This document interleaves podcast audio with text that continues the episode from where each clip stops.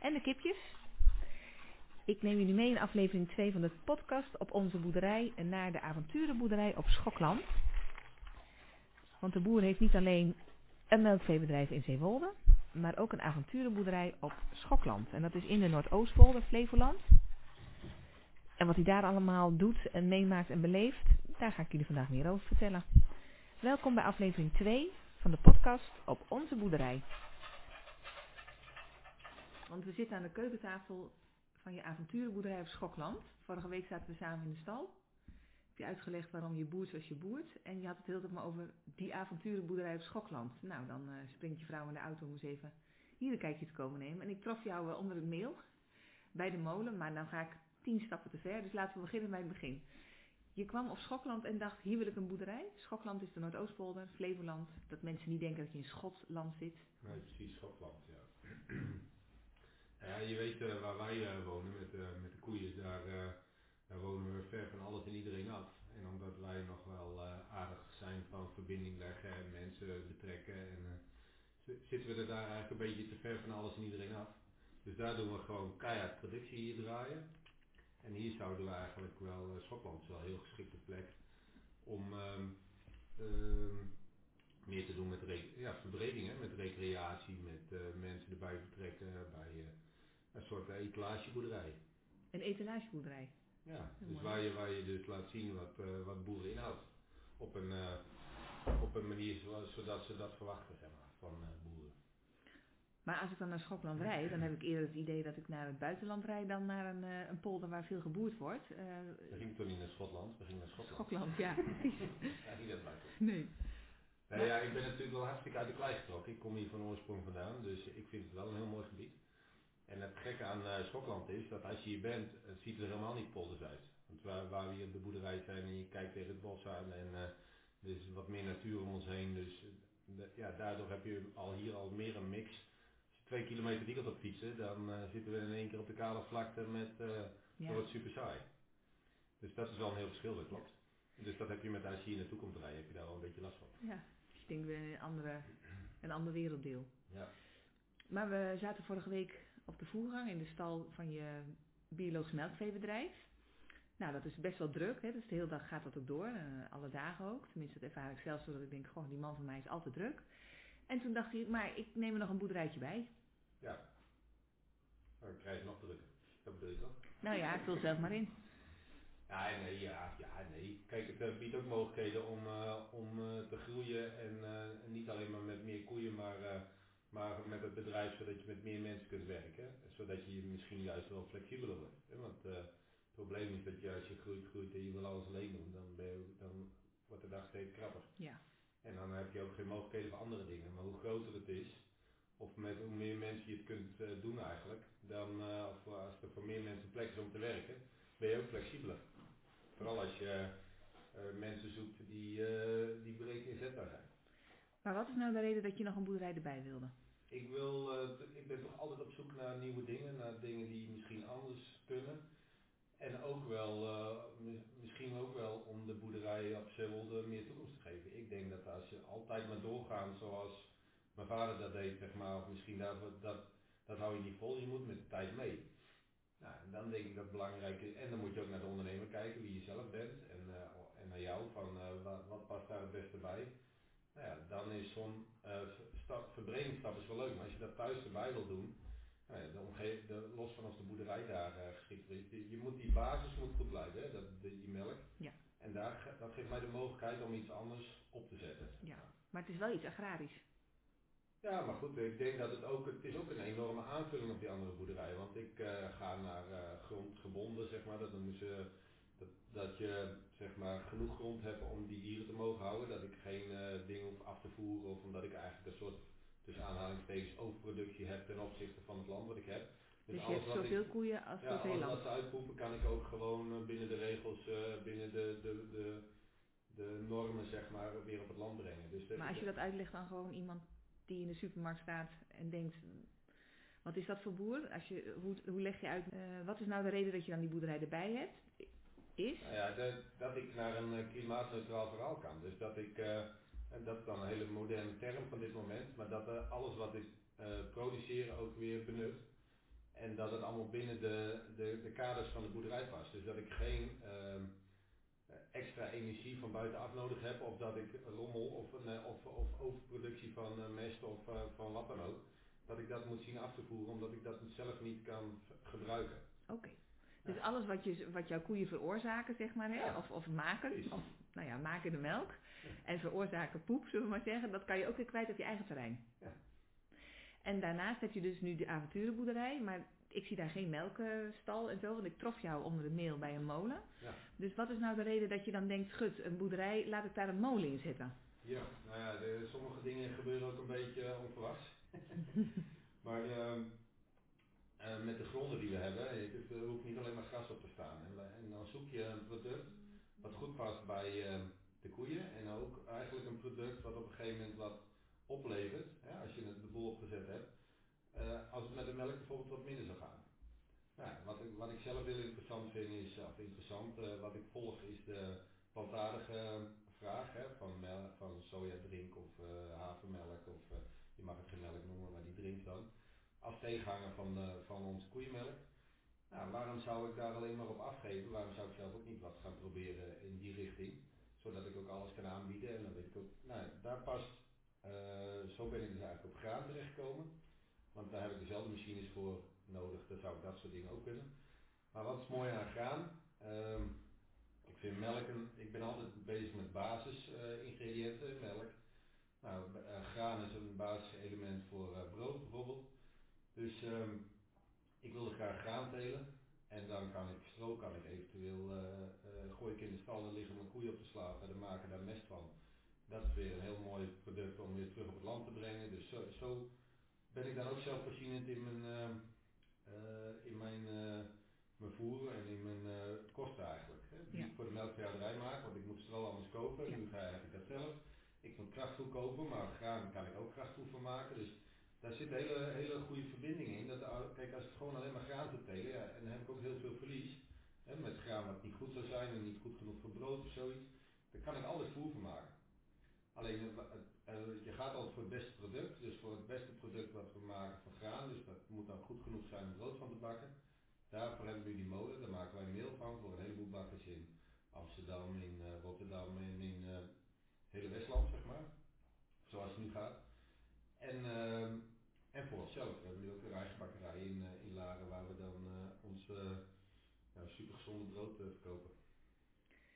Jeetje, en dan ben je dus melkboer. Want vorige week zit je nog aan mij te vertellen, ja, we waren heel vooruitstrevend met robots in die tijd. En nu eh, zie ik je in een jas onder het meel bedekt eh, graan staan te malen. En als je dan vertelt dat je dat doet om je bedrijf kringloop te maken, hè, dus alles wat je hebt, hergebruik je tot, tot het eigenlijk op is, klaar. Ja, er was nog één, één dingetje waar Ja. het uit gebeurd is. Ehm, en dat verhaal kwam eigenlijk vorige week ook al een beetje eruit. Dat ehm, ik het heel lastig vind dat we in de landbouw zo enorm opgeschaald zijn dat ik het, de verbinding met de eindgebruiker, of met de consument, met de koper van ons product eigenlijk kwijt ben. En wat is het leuke aan dit, aan dit brood, dat je nu zeg maar eh, de, korte, de keten zo kort hebt gemaakt, en een beetje lastige term altijd, keten vind ik, maar gaat erom dat ik ben nu de boer die het graan maakt, ik ben ook de molenaar die nu het graan maalt. En ik werk samen met een bakker. En daar zit niemand, niks en niemand meer tussen, zeg maar. Dus ik weet nu precies wat er nodig is om een goed broodje te bakken. Maar de bakker weet nu ook wat, wat er voor moet gebeuren om heel goed graan te telen. Was dat nog een zoektocht? Want, want het lijkt altijd zo We zijn van... daar eh, al jaren mee bezig. Ja, want mensen denken, oh graan, dat groeit ergens. Maar ik, ik heb dus door jou en het brood ook geleerd dat dat dus niet zo werkt. Want hoe zit het? Ja, en de bakkers zijn eigenlijk in Nederland allemaal gestopt met eh, het gebruik van Nederlands graan of meel. Omdat dat niet geschikt zou zijn voor bakken. Nou ja, goed. En dat halen ze nu allemaal van ver. En dat moet, moet, zeg ook geen moet, maar dat het zou mooi zijn dat van deze tijd dat we alles weer van dichterbij gaan halen. En dat we niet eh, veel kilometers maken om, om iets aan de andere kant van de wereld te krijgen. Dus wat we hier telen, moeten we hier ook consumeren.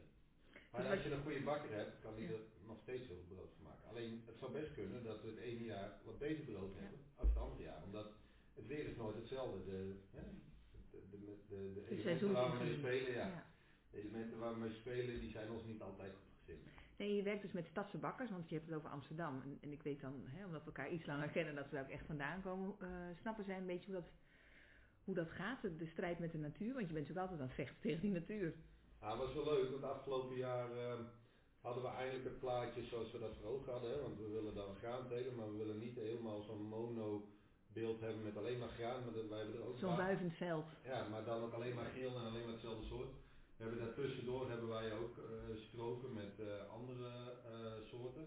Bloemachtige, goed voor de insecten, voor, maar vooral voor de wisseling van de gewassen. Zodat er altijd wat aan te bieden is wat bloeit en voor de biodiversiteit is. En toen kwam de bakker en, en, Eva dan, dat is de marketeer die, die bij ons projectje zit, van het graafschap, die kwamen kijken en die waren gewoon nou, ontroerd, maar die waren helemaal, die waren helemaal opgewonden. Die, die, die konden maar niet stoppen over hoe mooi dat was. Terwijl ze anders krijgen gewoon een zak met meel en dan zijn ze daar druk mee. Maar ze, zien nu ook hè, de, schoonheid van het telen, maar wat daarbij komt kijken, wat ze ervoor moeten doen. Nou, en dat hebben ze nu een paar jaar gevolgd. En dat, dat- is die, die wisselwerking die je nu met elkaar. Net wat ik net zei. Ik weet nu wat aan welke knoppen ze allemaal moet draaien, wil er ook echt wel een lekker brood uitkomen. Het is echt niet zo van eh klats in de oven en we hebben wat. Nee, en, en eh, jij hebt ook kunnen laten zien dat je op zaterdagavond tot 12 uur door moet, omdat het anders de volgende dag gaat regenen en je oogst nat zou worden, bijvoorbeeld. Ja, ja, wij zijn niet zo gebonden aan 8 tot 5 eh, tijdjes. Nee. En je zegt net even tussen neus en lippen door graanschap, want eh, je hebt de molen, die is van jou, Ja. van Arjen Verschuren. Ja. en eh, daar werk je samen met een aantal mensen, komen we verderop in de podcast nog wel op terug. Maar je hebt dus samen met een bakker en een marketeer het graanschap. Ja. En eh, we zitten nu op Schokland. Is nou niet echt de place to be voor een hippe bakkerij waar eh, brood wordt gemaakt van eh, Nederlandse bodem? Of zeg ik nou iets heel lelijks? Nee, nee, maar ik hoop wel dat het tegendeel bewezen gaat worden de komende jaren. Ik denk dat Schotland uitermate geschikt is voor eh, iets hips en happenings vanuit de stad. En laat de stad maar naar Schotland komen. Het is goed voor het eiland, goed voor, we zijn wel het eerste werelderfgoed, we hebben heel veel te laten zien. Het van de Nederlanders weet niet eens wat Schotland is. Nee, ik denk Schotland, hè? Ja, precies, dat is dan wat je heel vaak hoort. Maar ehm, ja, we hebben hier wel ook een heel mooi verhaal te vertellen buiten, de, buiten wat we doen. En ook, eh, het past gewoon heel, allemaal heel goed bij elkaar. Alleen ja, we zijn er nog lang niet. We zijn nu begonnen met telen, we hebben nu die molen. Maar het plan is met de bakker om hier ook een eh, bakkerij, eh, bakkerijtje of bakkerij, net hoe het gezegd, neer te gaan zetten. En, en het brood ook hier zelfs te gaan maken. Dus dat als die bakker zijn bakkerij uitloopt, dat hij eigenlijk gelijk het korenveld inloopt. Ja. En dat je dezelfde ontroering krijgt als de eerste keer bij je Ja. team. Oh ja. Die, puur die beleving, dat, eh, die echte ambacht, die moet betaald worden. Niet al die tussenhandel en, eh, en al de rommel ertussendoor. En als ik je verhaal zo beluisterde vorige week eh, op de voergang en nu hier, eh, dan heb ik toch een vraag die, die ja, ik heel graag beantwoord wil hebben. Maar komt er iets nou van binnenuit of is het ook omdat het moet? De verandering van boer zijn. Ja, dat is wel een hele goede vraag. Ik denk dat het eh, in mijn geval eh, beide is. Omdat ik me niet heel erg senang voel met, eh, met de standaard landbouw, zeg maar, waar ik in opereer. Daar was ik toen ook al naar bio gaan, hè. dat is toch altijd een beetje op zoek naar nieuw. En ik denk dat ik nu graag de volgende stap wil maken. om als je goed naar de mensen om je heen luistert, hè, maar, gewoon de maatschappelijke discussies, dan denk ik dat je daar op in moet haken. Die mogelijkheden heb ik, of, of althans, eh, daar denk ik ook graag over na. Als er dan mogelijkheden zijn om daar een stap in te maken met je boerderijen, dan denk ik dat je dat eh, moet doen. En hoe voelt dat? Ah, ondernemend. Ja, vind ik wel leuk eigenlijk. Dat, dat geeft je elke keer die energie om eh, na te denken en verder te gaan en morgens je bed uit te springen. Dat is het, dat is hetgeen waarvoor ik althans boer ben geworden. Nou, eh, ik weet dat je last hebt van een winterdip, want zo lang zijn we al samen. Maar zelfs in de winterdip denk je dan nog zo van, eh, dit is het, yes? Ja, want eh, ik, ik ben vanmorgen, dan loop ik nog, net niet te heuien thuis van eh, schiet op, schiet op, want ik wil naar, eh, naar daar, ik wil weer verder bouwen. Zeg maar. We spitsen het nu heel erg toe op eh, het graan en op de molen. Maar, maar het graan en de molen is eigenlijk een onderdeel van het ontbrekende stuk. Ja, wat ik, wat ik het gevoel heb als ik met jou praat, is volgens mij ehm, dat jij overal bouwstenen neerzet. Ja, dat ja. En dan straks wordt dat een soort, ehm, niet kasteel, maar een soort superboerderij. niet, niet super groot, zo bedoel ik het niet. Nee. Maar je zet de bouwstenen en dan heb jij volgens mij een idee in je hoofd. En, en ehm, nou, dat, je, het verandert ook nog wel eens, hè, want je bent ondernemer, dus je gaat ook mee met de getijden. Ja, Soms moet je linksaf en rechtsaf om het te komen. precies. En frustreert dat nooit? Nee, het frustreert niet omdat ik nu wel zoveel vertrouwen heb in mezelf. Dat ik denk van eh, het komt ook wel op de plek waar ik het heb wil. En eh, soms moet je wat creatief zijn om met, met de regels en de veranderingen mee te komen om, eh, om op je plek te komen. Maar goed, tot nu toe lukt dat. Oké, maar als ik, als ik nog even wil benoemen, die, die bouwstenen heb je gezet. Kan jij ze benoemen en dan zeggen wat het uiteindelijk moet gaan worden? Want dat zou ik graag voor ogen zien. Nou, mijn, eh, even technisch gezien zijn we door de jaren heen steeds meer gaan specialiseren. Wij zitten thuis heel, zijn helemaal naar de melk verschoven. Dat is eigenlijk in de hele landbouw is dat te zien. En ik denk dat we nu, eh, je ziet in de, in de geschiedenis allemaal van die golfbewegingen. Wij komen van een gemengd bedrijf af. We zijn gaan specialiseren door regelgeving puur in melkproductie. Maar ik denk dat het nu weer tijd is om een gemengd bedrijf eh, te bouwen. En, de, en daar ben ik dus mee bezig. Nou, het ontbreken, ik heb mijn hele leven al vee gehouden, zeg maar. Eh, wel koeien, maar ook, wel- ik kan ook wel voor andere dieren zorgen, dat is het niet. Dat zit in mijn DNA, of eh, daar ben ik in opgegroeid. Dus ik wil graag met landvarkens in de weer en met kippen. Dan heb ik die elementen, die, hoor- die heb ik dan bij elkaar. En eh, met het graan, maar dat is dan mijn akkerbouwtak. Ik wil niet meer akkerbouw worden met aardappelstelen, met, eh met groenten, met alles eh, waar je heel veel machines voor nodig hebt. Dat is allemaal, maar dat past dan ook niet bij elkaar. Dat graan past heel goed bij de dieren en andersom. Kijk, en dan wil ik de varkens ook gebruiken, niet alleen voor vlees, dat zou een eindproduct kunnen zijn. Maar ik wil ze ook inzetten in de bedrijfsvoering. En dat houdt in met onkruidbeheer of eh grondonboelen, weet je wel, waar ze dus eigenlijk... worden je ploegjes. Ja, dus ik zet, eh, ik zet op een veld waar we onkruiddruk hebben, die, zij zorgen dat eh, tot de laatste wortel uit de grond gevoerd wordt. En in het voorjaar, ik breng het even heel mooi, maar in het voorjaar trek ik hem vlak en dan zaai ik erin, zeg maar. En dan hebben ze er wat op gepoept en dingen, en dan heb je dat in een hele mooie balans, op een hele natuurlijke manier, heb je dat land weer klaargemaakt, zeg maar. En de kippen bijvoorbeeld, die kunnen in een mobiele, mobiele kippenkar achter de koeien aan, die trekken die flatsen van die koeien een beetje uit elkaar. Flats is poep, hè? Ja, sorry. Van die enorme plakaten. Die. Dat is eigenlijk wel een hele mooie, mooie term.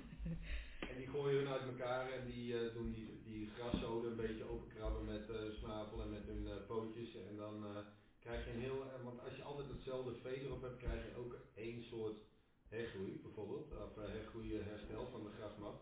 Maar doordat je verschillende dieren eroverheen laat lopen, krijg je ook Ja. verschillende, krijg je ook een andere hergroei. Kijk, en die, die, die kippen die zaaien eigenlijk ook weer. En die hebben een andere mest. En die, eh, die krabben, die, die zaadjes die dan eh, rondvliegen of dingen, die krijgen dan ook weer de kans om in die grasmat te, te Bedenk, kan je dit nou allemaal alleen, wat jij doet? Nee, nee, zeker niet. En nee, ik weet ook nog niet, eh, ik heb niet een pasklaar antwoord van eh, ik heb zoveel mensen nodig en, eh, en dan kan die weer. maar goed, als ik ergens vastloop, dan trek ik mensen aan, zeg maar. En alleen ja, ze moeten wel ergens weer terugverdiend worden. Dus het gaat heel organisch, stap voor stap proberen we die stip op die horizon in beeld te houden en daarvoor te gaan. Maar ben je een teammens of, of is het jouw, jouw eigen droom? Ja, dat, is wel, dat vind ik altijd wel een goeie. Ik denk ook van, met andere mensen werken? Of, eh, en, eh, het is vooral mijn droom. Eh, maar ik, ik, ik hoef hem niet alleen te halen. Want ja, als ik het uiteindelijk gehaald heb en ik ben 60 en ik ga stoppen, waar heb ik het dan voor gedaan? Dus ik wil wel wat doorgeven. En ik weet helemaal niet of mijn eigen kinderen iets met de boerderij willen, hoeft ik helemaal niet.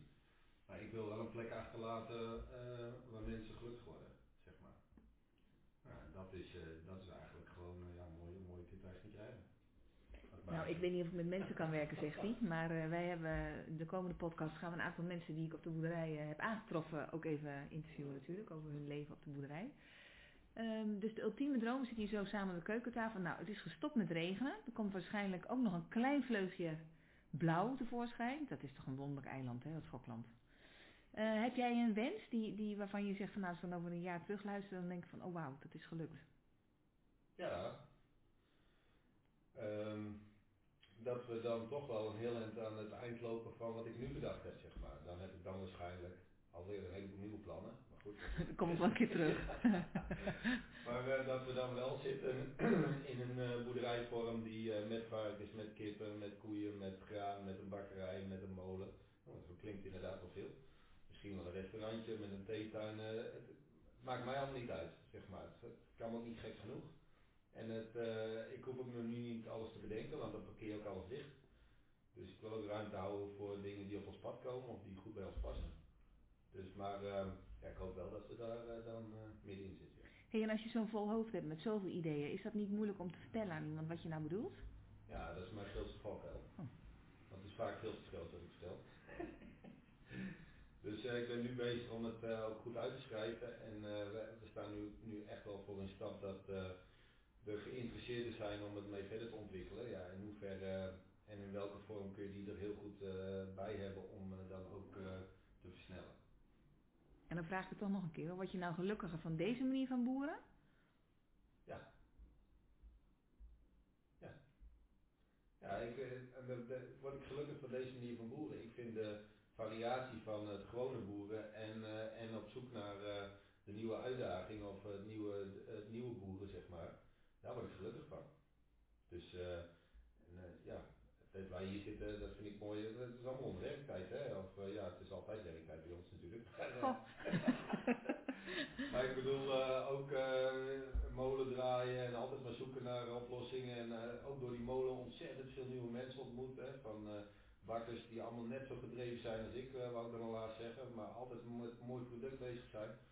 Ja, daar krijg je gewoon energie van. En dat is veel leuker dan alleen maar een afschriftje van de melkfabriek krijgen met uh, bedankt voor de melk, hier heb je geld.